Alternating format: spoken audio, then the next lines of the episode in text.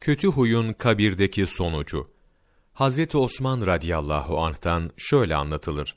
Resulullah sallallahu aleyhi ve sellem bir kabrin başında durdu, ağlamaya başladı.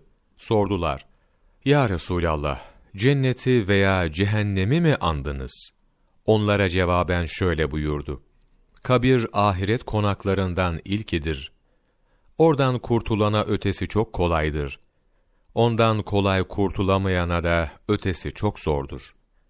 Abdülhamid bin Mahmud Moğli rahmetullahi aleyh anlatıyor. İbni Abbas radıyallahu anın yanında oturuyordum. Ona bir cemaat geldi ve şöyle dedi. Biz haç niyetiyle yola çıktık. Bir arkadaşımız vardı. Zat-ı Sifah nahiyesine gelince öldü. Hazırlığını yaptık. Sonra gittik, onun için kabir yeri aramaya başladık. Kabrini açınca koca bir kara yılan gördük. Kabrin dibine çöreklenmiş yatıyordu. Orayı bıraktık, başka bir kabir açtık. Orada da aynı şeyi gördük. Yani kabrin dibine çöreklenen bir yılan. Onu da bıraktık. Üçüncü bir kabir açtık. Tekrar aynı yılanla karşılaştık. Onu da bırakıp sana geldik. Bunun üzerine İbn Abbas radıyallahu an şöyle dedi.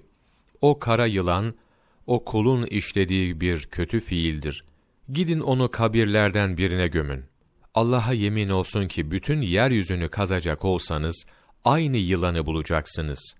Durumu kavmine bildirin. İbni Abbas radıyallahu anın dediğini, diğer arkadaşlarına da anlattılar, çıkıp gittiler. Sonra onlardan biri şöyle anlattı. Onu bir mezara gömdük. Hac dönüşü, o kişinin evine varıp durumu kendilerine bildirdik. Bir miktarda kadife elbiselik hediye götürdük. Hanımına durumunu sorduk. Dedik ki, onun halini dinledin. Acaba onun hayatında ne gibi yaramaz birisi vardı? Şöyle anlattı. O buğday satardı. Günlük yiyeceğini sattığı buğday içinden alırdı. Ne kadar alırsa, buğdayın içine o kadar saman ve ekin çöpü doldururdu. Bu şekilde satardı. Ebu Leys Semerkandi, Tembihül Gafilin, sayfa 40-41, 12 Eylül Mevlana takvimi,